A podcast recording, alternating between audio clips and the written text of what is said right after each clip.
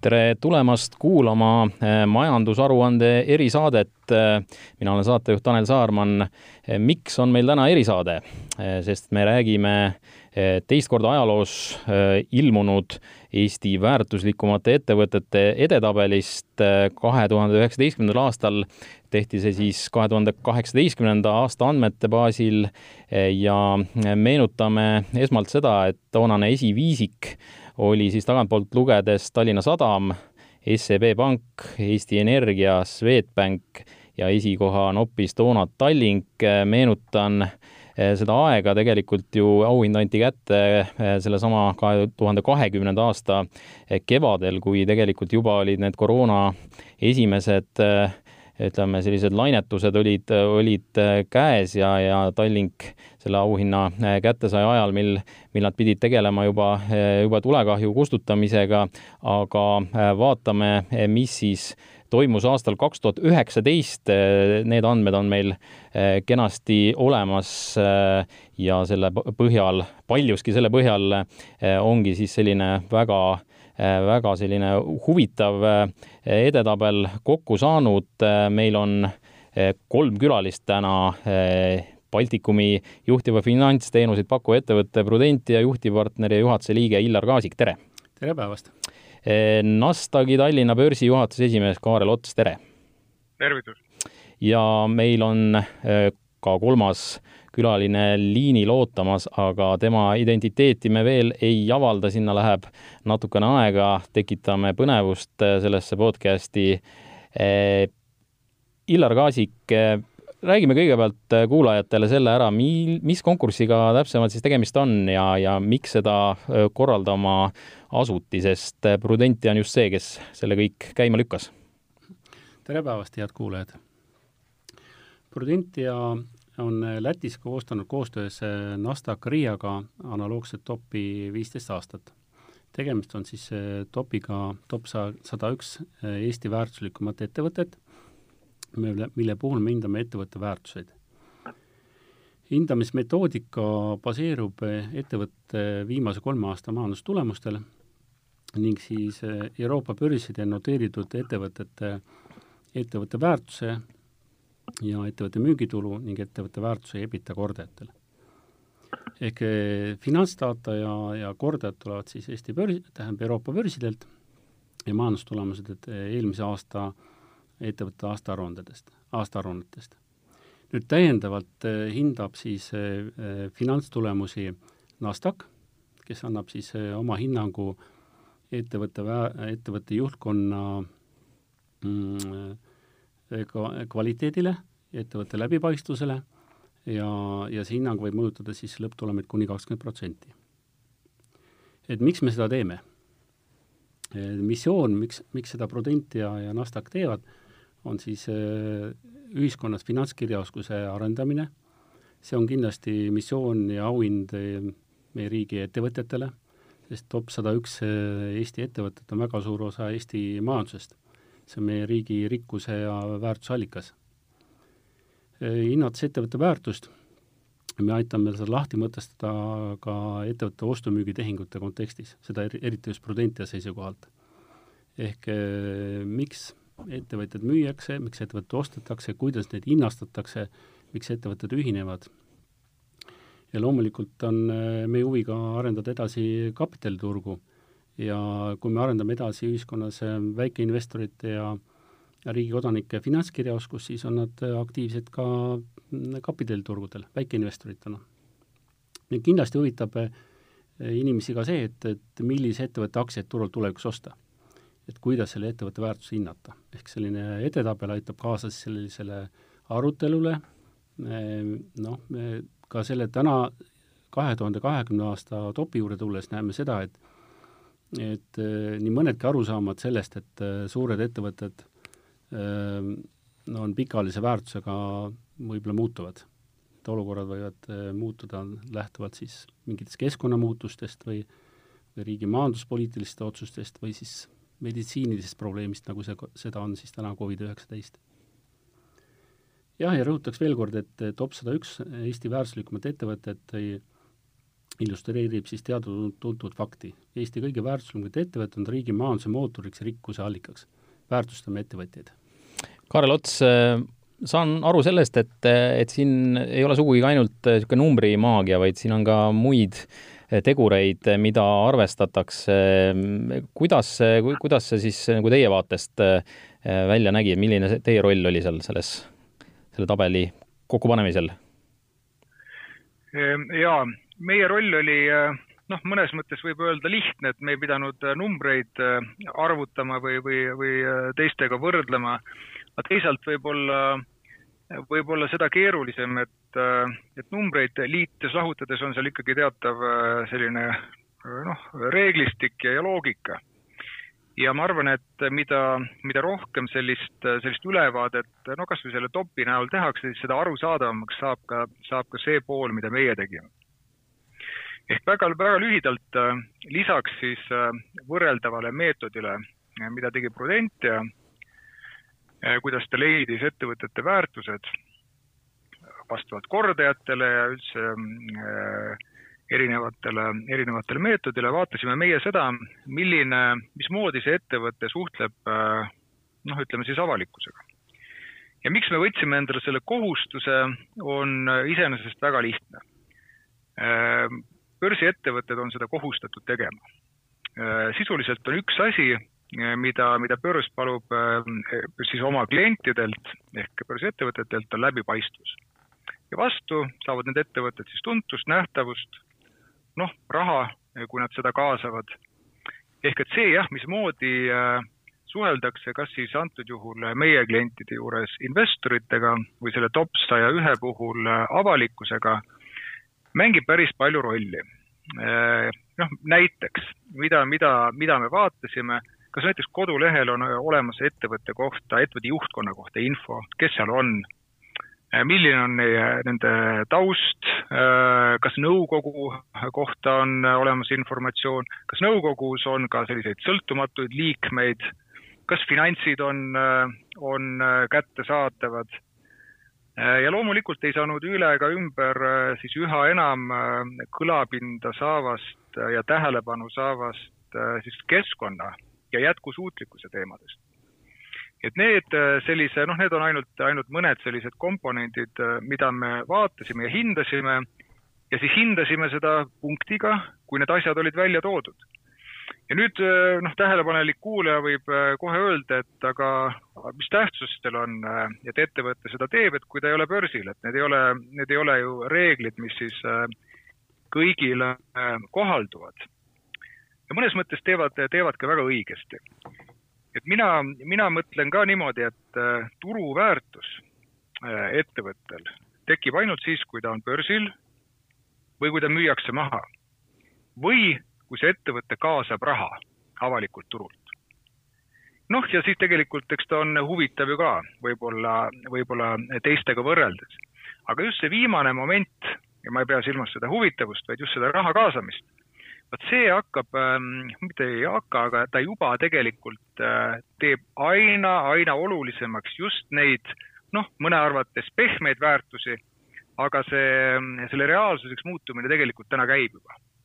et väärtused, mismoodi ettevõtet juhitakse, milline on tema mõju keskkonnale, kuidas ta panustab oma tegevusega ühiskonna arengusse laiemalt, see täna juba käib ja kui meil on pärast veel mõni minut aega rääkida, siis ma võin selgitada, et mismoodi see käib no Illar Kaasiku poole pöördun ehm, kaks tuhat üheksateist siis, kuidas seda iseloomustada ja, ja hea on nüüd ju ka eh, see, et on olemas võrdlus eh, eh, varasema aastaga, et, et kuidas see väärtuste, ütleme, kui me võtame seda kõige olulisemat numbrit seal, siis kui palju on neid kasvatajaid, palju on väärtust kaotanud ettevõtteid või kuidas see üldpilt välja näeb?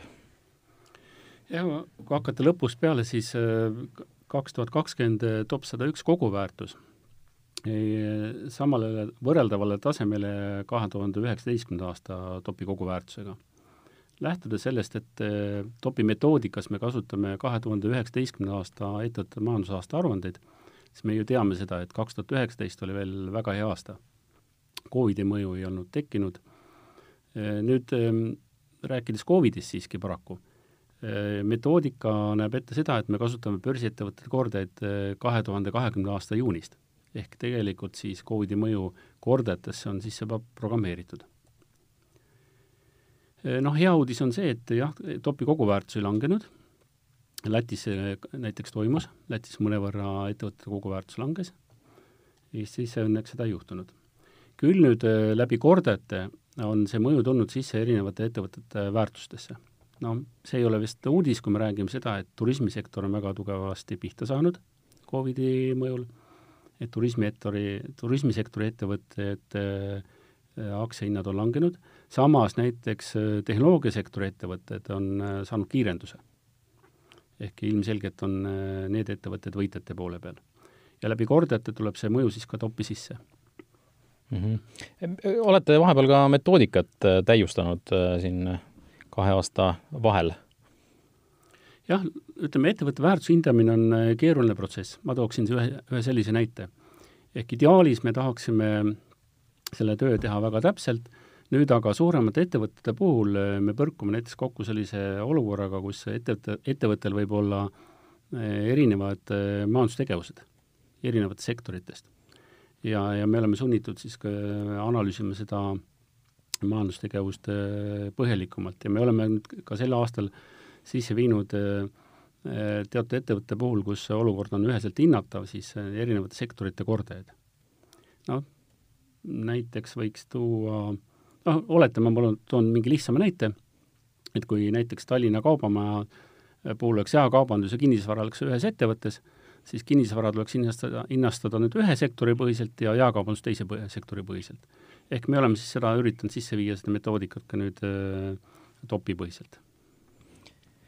Võrreldes äh, eelmise aastaga on siis ka neid, kes on täitsa äh, tabelist välja kukkunud, neid põhjusi on erinevaid ja, ja täiesti niisuguseid tugevaid ettevõtteid on on, on näiteks kustutatud, eks, et, et loodud mingi uus keha, viidud, viidud teise keha alla oma tegevus, et, et, et siin nii Riverito kui, kui UP Invest jäid, jäid silma sellega, et, et selles mõttes on ka, on ka neid, kes on päris sealt saja ühe hulgast välja, välja langenud, et, et ja värsket verd on omakorda peale tulnud, mis, mis näitab tegelikult seda, et, et see, et see selline, ütleme, Eh, rebimine käib ka, et, et sinna saja ühe sisse saada, et, et, et see tegelikult need tugevate ettevõtete nii-öelda ring on, on oluliselt laiem et kahe tuhande kahe, kahekümnenda aasta topi eripäraks on see, et eh, seoses Covidiga nihutati edasi ettevõtete majanduse aastaaruannete esitamine oktoobri lõpuks, jah.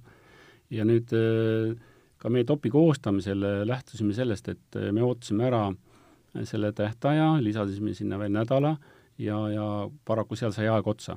ehk me ei saanud oodata ettevõtte majandusaasta aruandeid, mis äh, saabusid hili-, peale seda tähtaega. seega osad ettevõtted on siis äh, topist väljas, kuna nende aruande, aruanded äh, polnud esitatud. ja mõningate ettevõtete puhul, kus on tehtud siis noh, jutumärkides restart, on siis juriidilised isikud muudetud, nende puhul on kadunud ajalugu ja, ja nad automaatselt langevad topist välja. aga topi sees kindlasti käib rebimine, jah, see on huvitav mm. -hmm jah, eh, no enne, enne seda, kui me selle edetabeli juurde jõuame, eh, küsin ka selle küsimuse ära, et, et kui nüüd eh, kas siis Delfi keskkonnas või, või teie kodulehel inimesed täna seda tabelit sirvivad, siis võib tekkida küsimus, et kus on meie ükssarvikud, kus on tehnoloogiastaarid, et, et mis, mis see taust seal on? topi metoodika, tuletan veel kord meelde, põhineb siis, see on kordajate meetod, ta põhineb ettevõtte ajaloolistel majandustulemustel ja noh, toppi satuvad ettevõtted, mis äh, toodavad kasumit. kasvuettevõtted äh, kahjuks ei satu sellesse toppi seetõttu, et äh, nad on arengufaasis, nad teevad arengu välja, kulutusi, investeerides uutesse tehnoloogiatesse, turu hõivamisse ja, ja need tegevused on seotud sea-, reeglina arenguperioodil väga suurte kuludega. ettevõtted ei pruugi olla kasumis. samas äh, investorid näevad äh, uute tehnoloogiaettevõtete puhul väga suurt äh, tulevikuväärtust ja hinnastavad siis äh, aktsiaid ostes neid teistel põhimõtetel. ehk top saja ühe metoodikasse kahjuks üksikasarvikud täna sisse ei satu. nüüd aga rääkides top saja ühe Eesti väärtuslikuma ettevõtte metoodikast ja missioonist, siis mis, milline on meie eesmärk? meie eesmärk on ärgitada diskussiooni sel teemal et see juba, et me täna sel arutame, et miks, miks ei ole Bolti näiteks topis, või näiteks meil on topi juures on ka kolm eksperti, Mattias Vallander on, Vallender on SEB pangast kirjutanud samuti ekspertarvamuse topi kohta ja tema soovitab mõelda selle üle, et kuidas saaks näiteks nimetatud ettevõtted tuua ka Balti börsidele või Tallinn, Tallinna börsile kuidas saaks need ettevõtted paralleelselt äh, suurtel börsidel noteerida oma aktsiaid ka kohalikul turul. sest nii mõnegi ettevõtte turuväärtus on suurem kui, kui kõikide täna Tallinna börsil noteeritud äh, ettevõtete aktsiate kogumaht, seal suurusjärgus kaks pool miljardit eurot mm. -hmm. Kaarel Ots, mis te, mis te selle peale ütlete, selline no Mattias Vallander vist enam nüüd SEB-s ei ole, et ta on selle oma Enlight Research'i teeb, aga aga mm, loomulikult mm, mul oleks, mul oleks väga ja seda ma tegelikult ennist ka ju äh, ütlesin, et, et see turuväärtuse äh, paneb paika börs, et mul oleks väga hea meel, kui äh, selles topis oleks noh, ütleme kõik meie tuntud siis äh, tehnoloogia äh, staarid aga noh, nagu, nagu Illar ka ütles, et siis need, need viisid, kuidas seda väärtust leitakse täna, kas sa oled siis noh, isegi mitte kas startup, aga sellise tohutu kiire, kiire kasvu ja, ja raha kaasamisfaasis versus kui sul on positiivne rahavoog, siis need, need on lihtsalt erinevad. ja, ja mida rohkem sinna, sinna lisandub neid, siis mulle teeb see ainult, ainult, ainult rõõmu selge see. Eh, lähme nüüd selle edetabeli juurde, see on eh, tegelikult eh, väga põnev ja kokku on neid nimesid sada üks, me loomulikult ei hakka neid kõiki siin Eh, nimetama ja ei, ei hakka kuulajad sellega, sellega kuidagi vaadake ise, vaadake ise järgi, kuidas see eh, nimekiri sealt tagantpoolt on. ma ütleks küll ära selle, et saja esimesele kohale sai siis viiekümne kaheksa koma viiekümne üheksa miljoni eurose väärtusega eh, ehituskeemia tootja Krimelte siis selle, selle koha endale sai, nii et, et sellega siis mahtus tabelisse ära ja mõtlesime niimoodi, et, et võtame kümme selle top kümne äh, natukene lähemalt vaatluse alla ja kümnendal kohal Viru Keemia Grupp, äh, väärtus juba siis äh, vaat et üle kümne korra suurem kui Grimeltel ehk siis viissada üheksakümmend seitse koma kaksteist miljonit eurot aastaga kasvu kolmkümmend seitse protsenti ja tõus siis kaks kohta esikümnesse. mis saab öelda selle kohta, Illar Kaasik, mis selle tõusu taga mhm. olla võis? No selle tõusu taga eeskätt on ettevõtte väga head majandustulemused. noh, rääkides Viru keemiagrupist, on see kindlasti üks Eesti edukamaid eh, keemiaettevõtteid, samas on, eh, tegutseb ettevõte küllaltki vastuolu, vastuolulises valdkonnas.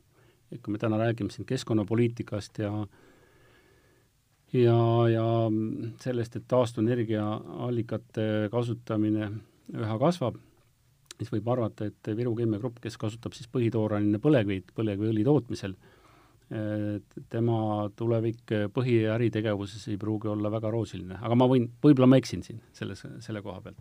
ettevõte on hästi juhitud, ettevõte on investeerinud oma tehnoloogiasse, teinud väga edukaid investeeringuid ja ja võib-olla näiteks ettevõte tulevikus üllatab meid sellega, et et teadupärast Eestis on väga palju erinevaid maavarasid nende maavaradega kasutuselevõtt vajab äh, kompetentsi, äh, ta vajab insenere, ta vajab ähm, infrastruktuuri, äh, mis kõik on täna suures osas Viru Keemiagrupil olemas.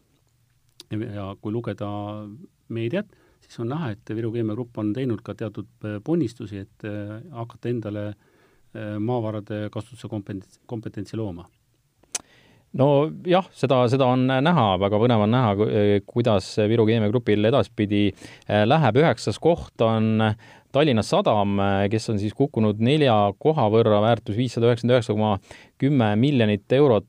kas äh, selle languse osa on juba ka ikkagi selle Covidi koefitsient on seal sees või, või mis, mis siin öelda saab? no Covid jah, kindlasti võime öelda, et äh, eks peamine põhjus on väärtuse langesel Covid mm.. Topis tervikuna üks suuremaid kaotajaid oli, oli siis sektor, mis on seotud inimeste liikumisega, turismiga. ehk noh, jah, kindlasti on selles sektoris erinevad hotelli, hotelliettevõtted, Tallink, sadam, lennujaam ja seal on see muutus kõige rohkem märgatav, see muutus on tulnud sisse siis läbi kordajate mm. -hmm. ehk ettevõtte majandustulemused olid veel head kaks tuhat üheksateist, aga börsiettevõtte kordajad olid muutunud Covidi mõjul. ja, ja Tallinna Sadama puhul siis on see mõju läbi, läbi Covidi tulnud sisse väärtushinnangusse. No kaheksanda koha puhul me pikemalt ei peatu, sest Telia Eesti AS äh, langes küll kahe koha võrra aga väärtus kuussada kuus koma kolmkümmend neli miljonit eurot. Äh, langus oli, oli selline äh, pisikene äh, suhteliselt, nii et, et me sellel, sellel pikemalt ei peatu. palju õnne igastahes kaheksasada koha puhul kindlasti seitsmes koht Riigimetsa Majandamise Keskus kes tõusis siis esikümnesse jah, üheteistkümnendalt kohalt, väärtus kuussada kakskümmend neli koma kuusteist miljonit eurot ja mm, kasv äh, lausa siis kolmkümmend kuus protsenti, mis selle tõusu taga peamiselt võib olla? -hmm jah, RMK puhul on, on head majandustulemused, üks põhjus ja, ja nüüd äh, mingi anomaalia, mis on tekkinud Covidi tõttu puidusektoris. et kui me teame seda, et, et näiteks Euroopas on kooreraski tõttu on, on, arvatakse seda, et Saksamaa kuusemetsad lõigatakse lähima kolme-nelja aasta jooksul maha. ehk metsad, mis on kasvanud kuuskümmend, seitsekümmend aastat, kaovad Kesk-Euroopast. sakslased mõtlevad selle peale, et mida tulevikus istutada, võib-olla eukalüpti ja, ja selle tõttu kuusehinnad, kuusepalgi hinnad olid väga madalad. nüüd aga Covid tõi kaasa selle, et et inimesed läksid maale elama, nad hakkasid tegelema ehitustegevusega, nad hakkasid maamaju ehitama ja tekkis puidu, puidu järgi tekkis nõudlus ja investorid reageerisid sellele nõudlusele. Ehk eh, paralleelselt juhtus kaks protsessi, puidusektori hinnad, puiduettevõtte hinnad olid madalad selle tõttu, et puidu hinnad olid madalad viimasel kahel aastal, aga Covid tekitas turul nõudluse. ehk madal baas ja järsku tekkinud nõudlus äh, andis sellele ettevõttele kasu kiirenduse nii, võtame järgmiseks kuuenda koha, jällegi ei peatu siin jälle pikemalt, NG investeeringud, äh, väärtus kuussada kuuskümmend üks koma kakskümmend üheksa miljonit eurot, kasv üheksa protsenti, tõus ühe koha võrra ja, ja noh, lihtsalt kuulajale selgituseks, et NG investeeringute puhul siis neil on seal väga palju erinevaid brände, aga, aga Tallinna, Tartu Kaubamaja ja Selver eh, on vast sellised, mis kõige enam tuntud on, aga neid on seal veel. Ehm, lähme nüüd esiviisiku juurde ja tõusuga kaheksandalt kohalt viiendaks siis võrreldes eelmise aastaga on Riigi Kinnisvara Aktsiaselts äh, lausa viiskümmend üheksa protsenti kasvu ja väärtus kaheksasada koma kuus miljonit eurot, siin on ka selline päris korralik vahe kuuenda kohaga sisse tekkinud, kui niimoodi spordi, spordifänni pilguga seda vaadata, et, et vahe on suureks kärisenud ja mm, -hmm. ja mis siis, mis siis nüüd selle taga on ikkagi viiskümmend üheksa protsenti, see on ikka päris, päris selline hull kasv mm. -hmm. No ma siiski korraks paar sõna peatuks NG investeeringute juures. ehk eh, selle ettevõtte puhul on eh, kaks märksõna. on kinnisvara ja, ja valdavalt jaekaubandus. ja mõlemad on eh, Covidi puhul, nende sektorite kordajad olid pigem võitjate poole peal. sest maailmas jaetarbimine ei langenud ja investorid, nähes, et turul tekkis paanika, liikusid sinna, kus tundus olevat turvalisem. kinnisvara hetkel, kinnisvarasektoris ei ole näha kuskil kiir-, kriisi ja äh, kuna maailmas turu, raha on odav, raha emiteeritakse juurde, siis kinnisvara, kinnisvarasektor oli pigem võitja poole peal. selle tõttu ka NG investeeringute tulemused mõnevõrra paranesid. nüüd riigi kinnisvara puhul äh, ongi see peamiseks põhjuseks. ehk äh, kinnisvarasektori kordajad kasvasid. ehk topi on tulnud mitmed ettevõtted, mis tegutsevad selles, tegutsevad selles valdkonnas, kinnisvarasektoris täna on on täituvused on väga head, äh, kordajad Euroopa börsidel kasvasid. Ja, ja kui nüüd välja jätta noh, mingi segmendipõhised probleemid, need kinnisvarafondid, kelledel on hotellid näiteks äh, portfellis, seal on terendumas mingid sellised punased märgid või, või ütleme, võimalikud probleemid. aga fundamentaalselt ärikinnisvarasektor on heas, hea tervise juures ja pigem väärtus kasvas no me vaatame nüüd äh, neljandale kohale otsa ja siin on täitsa uskumatu asi juhtunud. Äh, Luminor pank äh, neljateistkümnendalt kohalt tõusnud väärtus kaheksasada kaksteist koma kolmkümmend seitse miljonit ja sada kolmkümmend viis protsenti kasvu, no siin on küll doping mängus vist. jah, eks tegelikult oligi tegemist dopinguga. nimelt Luminor Pank ühendas oma Eesti, Läti ja Leedu äritegevused ja, ja sellest tingituna, kuna kuna ühendas Eesti äriühingu juurde, siis oligi tegemist märgatava kasvuga, aga see kasv tuleb siis äritegevuste ühendamise tõttu, peamine põhjus finantssektori ise, finantssektori kordajad langesid. finantssektor tervikuna on kaotaja poole peal mm. -hmm. ja, ja tõenäoliselt on, turg reageeris nüüd Covidi ajal finantssekt-, noh, kartes seda, et majandus hakkab halvenema, pankadel tekivad äh, laenukahjumid ja, ja, ja alates ju turg reageerib ette võimalikele sündmustele, ehk finantssektor oli see kaotaja poole peal olev sektor seekord. ja nüüd me näemegi kohe seda ühte kaotajat siin kolmandal kohal, esikolmiku juurde me jõudnud oleme, eh, teiselt kohalt kolmandaks langenud Swedbank miinus kakskümmend seitse protsenti ja eh, üheksasada kolmkümmend viis koma kakskümmend neli miljonit eurot väärtust. Eh, noh, sellest oli nüüd juttu, sellest finantssektorist juba, ma arvan, et noh, kui on veel paar sõna lisada võib-olla. no põhjus sama, et ettevõtted tegelikult on reaalselt pole majanduskeskkond halvenenud, ettevõtted on hästi juhitud ja, ja põhjus on Covidist, keskkonnamuutus. no me hakkame jõudma nüüd hästi lõppu juba, me oleme teise koha juures ja, ja ütleme niimoodi, et äh, siia on siis äh, võiks öelda niimoodi väga kõrgel kohal küll, aga kukkunud kahe tuhande kaheksateistkümnenda äh, tähendab kahe tuhande üheksateistkümnenda aasta siis võitja Tallink Grupp Äh, põnevus on niisiis laes, et kes seekord äh, võitis, äh, Tallinki kukkumine kolmkümmend üks protsenti, aga üks miljard sada üheksakümmend neli miljonit kolmsada nelikümmend tuhat eurot siis nende väärtus. esimene miljardifirma siis meil siin tabelis. no Tallinki puhul taas ikkagi saame rääkida sellest, et juba on siia sisse ka arvutatud see praegune aeg. jah põhiline väärtuse langus siis topis tuleneb kordajate muutustest. Ehk eh, kaks tuhat üheksateist Tallinki äritegevus oli tipus, kasvufaasis ja ettevõtte käive, kasum olid ajalooliselt ühed parimad. aga börsid kaks tuhat kakskümmend aasta keskel hindasid selle sektori ettevõtte väärtused oluliselt madalamaks. ehk Tallinki puhul kahjuks võib arvata seda, et ka kaks tuhat kakskümmend üks võib võib see trend jätkuda, sellepärast et ka reaalne kahju Covidist ju tekibki ka aastal kaks tuhat kakskümmend ehk kahe tuhande kahekümne esimese aasta toppi. samas on, siin ma pööraks tähelepanu sellele, et see on nüüd näide selle kohta, et et ettevõte võib olla hästi juhitud, Tallinkil on väga tugev juhtkond, tal on väga tugev ärimudel, ta on Eesti kindlasti üks äri, äritegevuse lipulaev või, või selline Mm, noh, meie, meie au ja uhkus, eks ole, kes on võtnud, kes on võtnud siis üle suure osa Eesti-Soome vahelist laevaliiklust ja, ja ja ka kauba, ka kau-, kaubavedu. nüüd aga me ei saa arvestada või lähtuda sellest, et, et maailmas ei muutu midagi. ehk kaks tuhat üheks, kaks tuhat kakskümmend kevadel, jaanuarikuus, veebruarikuus me tegelikult ei osanud veel arvata seda, et, et me oleme nüüd november kaks tuhat kakskümmend selles olukorras, kus sama ettevõte, eh, mis alles võitis topi, on eh, sunnitud restruktureerima äritegevust, on sunnitud kasu, paluma riigilt abi ja ja üritab kohandada oma äri, ärimudelit vastavalt öö, oludele. ehk muudab öö, Tallinki laeva kaubamajaks ja, ja üritab siis teha seda, mis, mis vähegi võimalik antud oludes.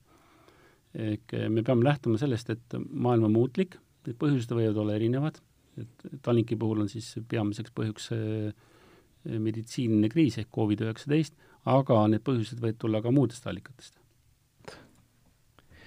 Ja nüüd trummid põrisevad ja koerad lõrisevad, sest kuulutame välja eh, võitja kaks tuhat üheksateist Äh, väärtuslikuma ettevõtte edetabeli äh, no ütleme nii, et tähelepanelik Delfi kuulaja-lugeja äh, võib-olla midagi juba aimab, aga pidulikkust see siiski ei vähenda. aeg on tutvustada meie kolmandat külalist videosilla vahendusel. tere, Eesti Energia juhatuse esimees Hando Sutter! tere päevast! ja palju õnne! suur tänu! Eesti Energia siis tõepoolest on see ettevõte, mis kaks tuhat üheksateist edetabeli kinni pani, üks miljard kuussada neliteist miljonit ja nelisada kaheksakümmend tuhat eurot veel peale kauba on siis väärtus, kasv aastaga kakskümmend kaheksa protsenti. ma küsin kõigepealt sellise spordireporteri küsimuse, mis tunne on? Noh, tunne on äge, ega, ega tunnustust saada on alati tore ja, ja see number on ka päris suur, et, et ma, ma kohe peast hakkasin meenutama, et kui palju see Ignitis IPO oli, et, et millega siin nagu võrrelda, eks ole, et ei ole mõtet võrrelda õunu ja ploome, et et peab vaatama, et mis, mis see taustsüsteem on, aga, aga, aga loomulikult eks juhina põhi, põhiroll ja meeskonna põhiroll on ju see, et ettevõtte väärtust tuleb kasvatada ja ja, ja, ja kui, kui see on õnnestunud, siis see on ju, see on ju, see on ju rõõm no kaks tuhat üheksateist tulemuste põhjal peaasjalikult see, see edetabel on, on kokku pandud. mis sellest aastast meenub? Eh, miks see nii hea oli, eh, millised sellised märksõnad sealt välja võiks tuua? see aasta oli, oli tegelikult energiasektorile väga murranguline ja Eesti Energiale ka vägagi murranguline ja ja, ja, ja noh, võib-olla realiseerusid tulemusena mõned asjad, millega me olime tükk aega pusinud ja vaeva näinud, et noh, ilmselgelt äh, energiasektor on ju väga-väga suures muutumises, seda kõik on tähele pannud ja väiksed energia asjaarmastajad on vist äh, noh, enamus eestimaalasi, et et äh, kõik midagi teevad, et kas siis panevad mõne päiksepaneeli või, või vähemalt vahetavad oma pirnid säästlikumate vastu, et energeetika on ju kõigil meeles aga, aga no Eesti Energia jaoks tähendab ta väga-väga äh, suurt äh, põhimõttelist muutust, et, et noh, esiteks see, kuidas me elektrit toodame, millest me toodame. ja, ja teiseks siis see, et, et järjest rohkem me kaasame kliente ka sellesse muutusesse, et, et me muutume järjest rohkem nii-öelda organisatsiooniks, mis seisab kliendi eest ja kliendi poolt ja, ja, ja tegelikult eh, noh, me oleme üsna kindlad selles, et ega seda eh, pööret energiasektoris polegi võimalik lõpuni ära teha ilma kliente kaasamata. ja noh, nii me oleme siin toonud eh, klientidele välja erinevaid teenuseid, mida juba päris usinasti on hakatud kasutama ja annab ka meil tulemuses juba tunda nii Eestis kui ka meie teistel turgudel. et ilmselt olime ühed esimesed, kes klientidele täisteenusena päikselahendusi hakkasime pakkuma ja ja, ja võib-olla viimastest asjadest, et me ei müü kliendile mitte enam kodus elektrit, vaid äh, sellest elektrist soojapumba abil efektiivselt toodetud to soojust, et et, et noh, me usume, et elektrifitseerimine on üks kõige kiirem võimalus äh, süsiniku jalajälje vähendamiseks. Äh, ja kui me enda sektor on noh, nii-öelda juba, juba ühte-teist on ära tehtud, siis elektrifitseerimise kaudu saame aidata ka teisi sektoreid Illar Kaasik, ma korraks vahele küsin, äh, selline Eesti Energia rohelisemaks muutumine, kuidas ta seda väärtust äh, tulevikus äh, mõjutada võib? minule endale tundub, et pigem nii-öelda positiivses suunas, kui, kui tõesti ettevõttel on sellised plaanid. tere õhtust, Ando Sutter, palju õnne veel kord Prudenti poolt Eesti Energia võitis eh, topi tänu edukale ülevõtmistehingule, mis toimus kahe tuhande kaheksateistkümnenda aasta lõpupoole ehk Nelja Energia omandamisele. tänu Nelja Energia omandamisele kasvas ettevõttes eh, taastuvenergia osakaal ja kuna investorid hinnastavad taastuvenergiat eh, oluliselt kõrgemalt kui tavaenergeetikat, siis see tõi kaasa ka Eesti Energia puhul üle neljasaja miljoni eurose väärtuse kasvu. ja, ja kindlasti see on tulevikusuund, et e, Ignitis IPO e, kinnitab seda, e, Balti topis on Ignitis üks suuremaid kasvajaid, pea kuuekümne protsendise väärtuse kasvuga. ja, ja väga huvitav on lugeda Eesti Energia aastaaruannet. ehk kui ma seda lugesin, siis ma jäin ise ka mõtlema, et mis asi on Eesti Energia, et kas ta on põlevkivi kompetentsi müüja maailmaturgudel, on ta taastuvenergeetika arendaja lugedes äh, arenguplaane on näha sealt seda, et Eesti Energia omandas äh, elektriautode laadimisvõrgu ja planeerib kohe-kohe pakkuda turul klientidele üles-allalaadimise teenust. ta arendab internetivõrke, ta arendab off-grid lahendusi ehk on paigaldanud selle Ruhnu saarele tänaseks ja, ja nii edasi, et äh, hea meelega küsiks Hando Suterilt, et milline on Eesti Energia kümne aasta pärast? väga hea, hea küsimus võib-olla sellele vastab äh, hästi lihtsalt ära meie ambitsioon vist, äh, mis sinna aastaraamatusse ka kirja sai, aga äh, noh, kui mõni ettevõte teeb visiooni, siis meil kuidagi strateegiaprotsessis kujunes välja niimoodi, et mõtlesime, et noh, et mida me siis siin punnitame, et mille poole me liigume, oli see, et meie sooviks on klientidele pakkuda mugavaid ja kasumlikke energialahendusi ja toota ise energiat äh, järjest väiksema keskkonna jalajäljega ja nii aidata maailma paremaks muuta. et, äh, et see on, see on see, äh, mida me, mida me teeme ja noh, siin on selgelt kaks väga selget märksõna, et üks on see, et nagu ma ütlesin, et me usume, et kui me oleme kasulikud klientidele, siis me oleme ka kümne aasta pärast edukad ja, ja ilmselgelt äh, noh, märksõna on äh, keskkonna jalajälje vähendamine ja, ja seda nii energia tootmisel kui ka tegelikult läbi elektrifitseerimise ja võib-olla ka vesiniku kasutusele võtmise, mis on nagu energiakandja siis äh, teistes sektorites, äh, et meil on päris, päris oluline sõna öelda, et kui ma, kui ma ütlen kaks tuhat kaheksateist, kaks tuhat üheksateist aasta kohta veel ühe võib-olla huvitava fakti, siis Eesti Energia süsiniku jalajälg vähenes absoluutnumbrites äh, üle kahe korra. nii et äh, kui te küsite, et mis oli, miks see aasta oli eriline, noh, ta oli tõesti väga eriline ja, ja noh, mõni oponent on öelnud, et äh, no mis teil üle jäi, et süsiniku hind ju kerkis, et te piditegi vähem emiteerima, noh, nii lihtne see ei ole sellepärast et energeetikas asjad on väga pika planeerimise pööruga, et äh, näiteks need äh, vanemad põlevkivielektrijaamade kinnipanemine oli tükk aega tagasi planeeritud, see lihtsalt sai ära tehtud. et, äh, et nii ta on ja, ja, ja me liigume õigel kursil, lihtsalt et jah, mõni inimene, kes selle peale tuleb, et nüüd vähendaks CO2 jalajälge, tahaks teha seda täna ja homme, aga energeetikas asjad võtavad natuke aega no kui Illar Kaasik sai oma küsimuse ära küsida, siis ma küsin Kaarel Otsa äh, poolt äh, ühe küsimuse ka. ma ei tea, kas ta, kas ta just oleks tahtnud seda küsida, aga, aga vast ikka.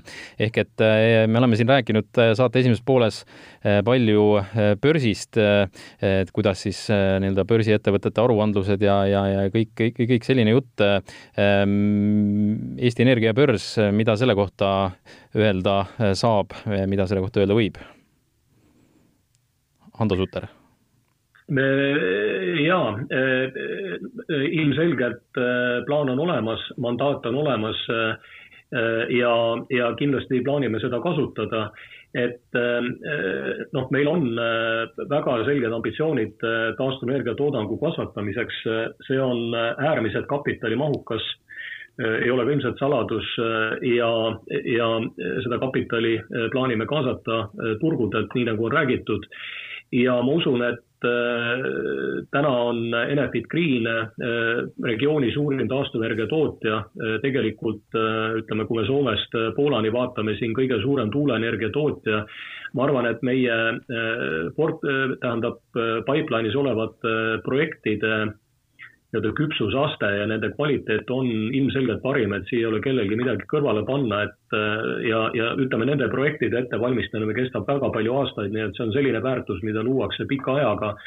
et äh, on, mida oodata, et äh, see, see kindlasti saab olema selline, ütleme, väga selge kasvuga ja selge missiooniga emissioon.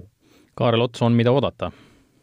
on, mida oodata ja ja eriti, kui meid äh, kuulavad investorid või, või ka ettevõtjad tegelikult, kes, kes puutuvad kokku raha kaasamisega või, või mõtlevad selle peale, siis võib-olla kaks mõtet äh, äh tahaks, tahaks nüüd kokkuvõtteks öelda, et äh, et see, mida Hando Sutter rääkis CO2 jalajälje mõõtmisest, et see on, ma arvan, et, et paremat eeskuju äh, kui energeetikaettevõte tegelikult ei olegi. Eh, selle näitamiseks, aga me täna teame, et seda teevad ka juba pangad ja ka väiksemad eh, ettevõtted, tootmisettevõtted, et see on selline trend, mis, eh, mis on noh, ilmselge mida ei ole võimalik tagasi pöörata minu hinnangul küll, et see vastutustundlikum tulevik ja jätkusuutlikkus on see, millega kõik peavad pigem varem kui hiljem hakkama tegema, tegelema ja kui Illar äh, siin küsis, et, et noh, milline on Eesti Energia kümne aasta pärast, siis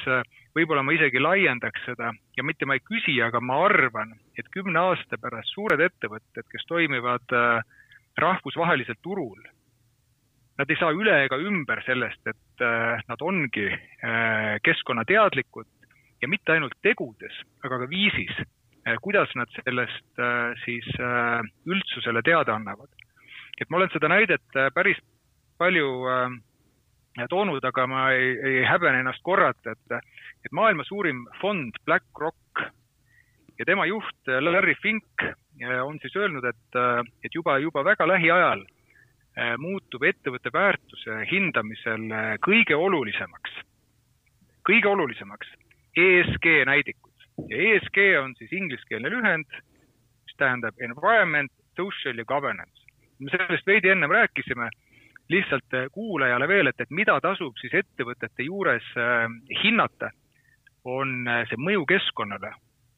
kuidas kaardistatakse, kuidas adresseeritakse riske, kuidas ettevõtte tegevus mõjutab siis seda keskkonda, kus ta toimib.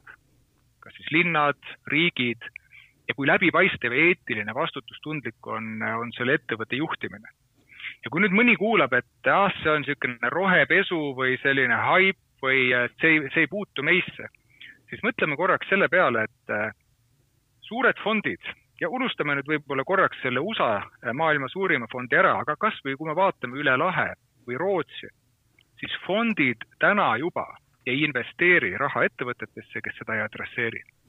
ja see ei ole lihtsalt see, et, et see oleks äge või kuidagi see on moes mina väidan, et need on no, kõige kapitalistlikumad eh, tegelased, eh, tegelased üldse.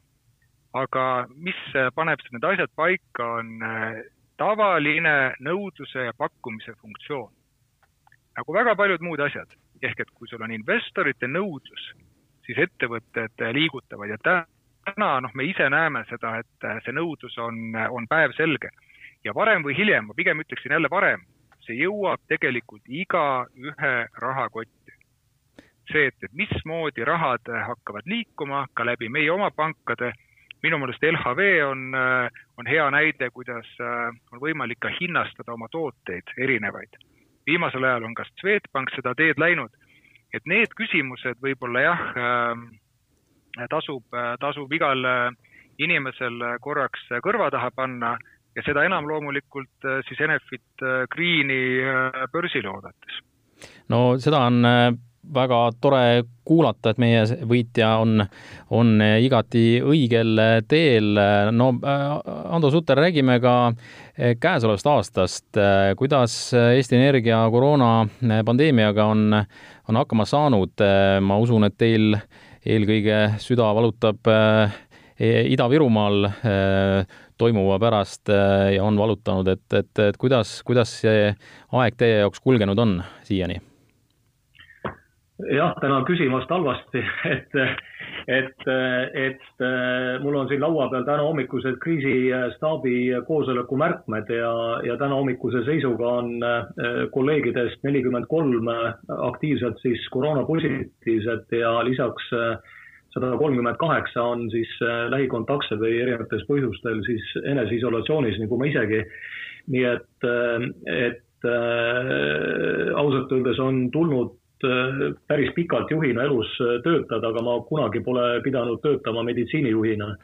et ja pole seda ausalt öeldes ka õppinud ja, ja selles mõttes tunnen ennast natukene, natukene abitult olukorras, kus noh, sõna otseses mõttes on tulnud kevadest alates võidelda äh, Äh, kolleegide elu ja tervise eest, et, äh, et, äh, et siin ongi selline kaalul on ühtepidi, ühtepidi inimeste tervised, teistpidi varustuskindlus ja elutähtsad teenused ja kolmandat pidi ettevõtte majanduslik jätkusuutlikkus, nii et et äh, kui seda, seda asja niimoodi äh, noh, teha natukene, kaks kuud, äh, siis on, võib-olla elab üle, aga me oleme selles režiimis olnud ju märtsikuust alates põhimõtteliselt väikse hingetõmbepausiga, et ja kui me vaatame nüüd prognoose majanduse taastumisele, siis noh, nii nagu see kriis edasi läheb, nii on ju majanduse taastumise ootused ka kõik edasi lükanud järjest, et kui veel siin suvel oli ootus, et noh, kõik saab kohe läbi ja majandus hakkab taastuma ja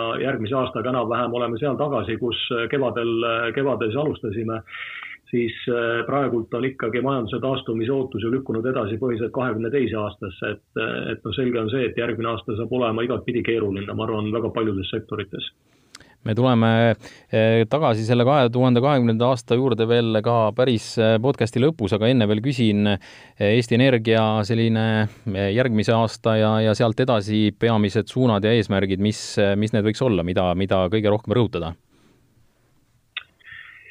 Noh, äh, siin on, siin on nüüd äh, väga, väga lihtne oleks äh, nii-öelda tuletõrjeametisse sukelduda lõplikult, ehk see on ju juhtidel alati see, et kui kuskilt põleb, nagu ju praegu põleb mitmeltki poolt, et et oleks ju, oleks ju see, et lähme ja kõik tõrjume tuld, aga, aga, aga samas noh, kui me vaatame seda, et mis ümberringi toimub ja milliseid signaale poliitikarindelt antakse, et, et Euroopa Liit on tulnud välja ju väga, väga äh, tõsiste initsiatiividega, et äh, tahetakse noh, ütleme niimoodi, et erinevate meetmetega ma ütlen seda niimoodi talupojakombel, et äh, tuhat miljardit eurot panna suurusjärgus Äh, majandusse, äh, milles siis äh, kaks asja, mida põhiliselt toetatakse, on rohepööre ja digitaliseerimine. ja mõlemad valdkonnad tunduvad justkui meie valdkonnad, eks ole.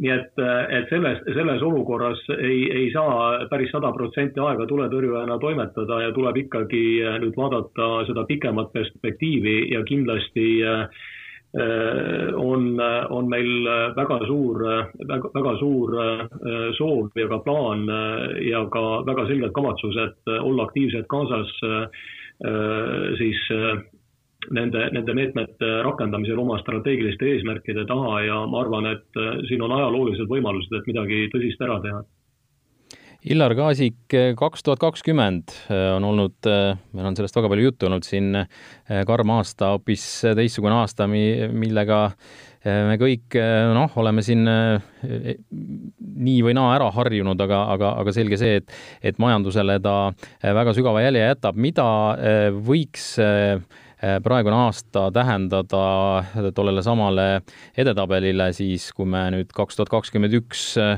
uuesti sellele otsa vaatame, mis, eh, mis seal tulla võib? no jätkuvad Covidist tingitud trendid. turismisektor on survestatud, tulusid on vähe, me teame tänagi, eks ole, et järjest tulevad meetmed liikluspiirangutest avalike ürituste korraldamise osas ja nii edasi. kindlasti on jah, turismisektor on kannataja pool, aga, aga eh, muutused on, muutuste käigus on alati olemas ka võitjaid. ja ma arvan, need ettevõtted, eh, kelle poliitika on olnud vastut-, vastutustundlik, noh, ka Eesti Energiast rääkides näiteks, Eesti Energia teenuste portfellist äh, ma lugesin välja äh, säästuteema, energiasäästu teema, ehk siis Eesti Energia pakub oma klientidele ka energiasäästu lahendusi, mida ju energiamüüja ei peaks pakkuma, ta peaks müüma rohkem energiat. Eesti Energia pakub säästulahendusi, ta on vastutustundlik. Äh, kui lugeda Ameerika Ühendriikide presidendivalimistest, siis Biden ütleb seda, et et Ameerika ühineb Pariisi kokkuleppega ehk, eh, ehk need osapooled, kes eitavad eh, olukorda ja, ja maailmas toimuvat, nad peavad siiski tunnistama seda, et, et see poliitika jätkub. Eh, ehk keskkonnateadlikkus on tähtis. noh, rääkides konkreetsetest ettevõttest, topi, top sada üks Eesti väärtuslikumate ettevõtte nimekiri annab hinnangu ettevõtte juhtkondade edukale toimimisele ehk äh, ettevõtte juhtkond on teinud õigeid otsuseid, äh, siis on, võivad olla kriisid lühiajalised. ehk ma näiteks lugesin äh, Cleverini kohta, Cleveron oli, oli näite, Cleveron ettevõttena oli väga edukas kahe tuhande üheksateistkümnendal aastal. kahe tuhande kahekümnendal aastal sattus ta olukorda, kus kliendid ei saanud tulla kauba järele Covidi tõttu. mõne kuu pärast hakkas Cleveron kasutama liitreaalsust selleks, et et kasutada uusi tehnoloogiaid seadmete montaažil. see on üks näide, kuidas saab kiiresti kohaneda olukorra muutusega.